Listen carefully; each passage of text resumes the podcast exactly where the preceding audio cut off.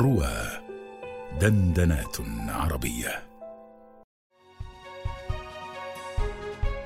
طابت أوقاتكم بكل خير مستمعي رواه الأجلاء وهذه حلقة جديدة من برنامج من الضيف.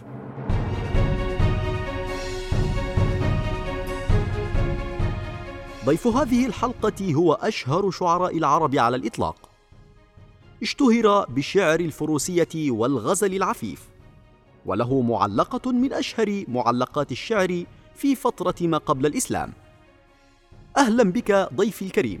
وفي البداية عرفنا بك لكن من خلال بعض أبيات شعرك لو سمحت.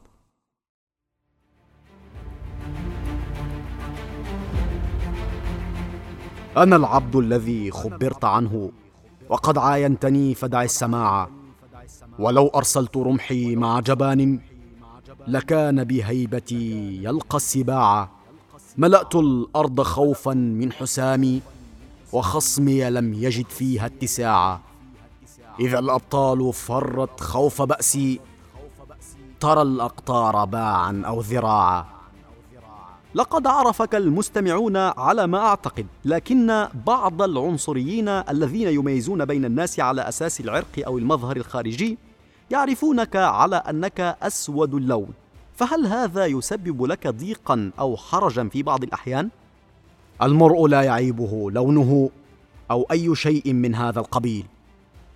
فلئن أكو أسودا فالمسك لوني وما لسواد جلدي من دوائي ولكن تبعد الفحشاء عني كبعد الأرض عن جو السماء.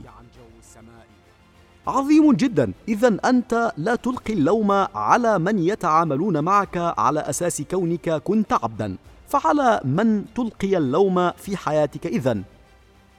أعاتب دهرا لا يلين لناصحي وأخفي الجوى في القلب والدمع فاضحي.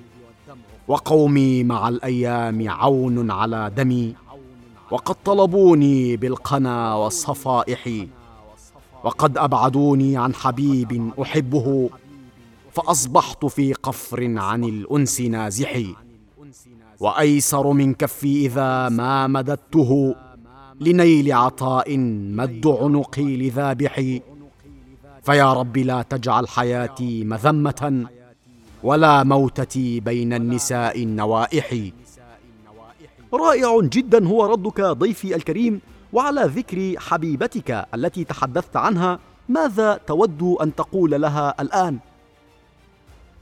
أقول لها ولقد ذكرتك والرماح نواهل مني وبيض الهند تقطر من دمي فوددت تقبيل السيوف لأنها لمعت كبارق ثغرك المتبسم.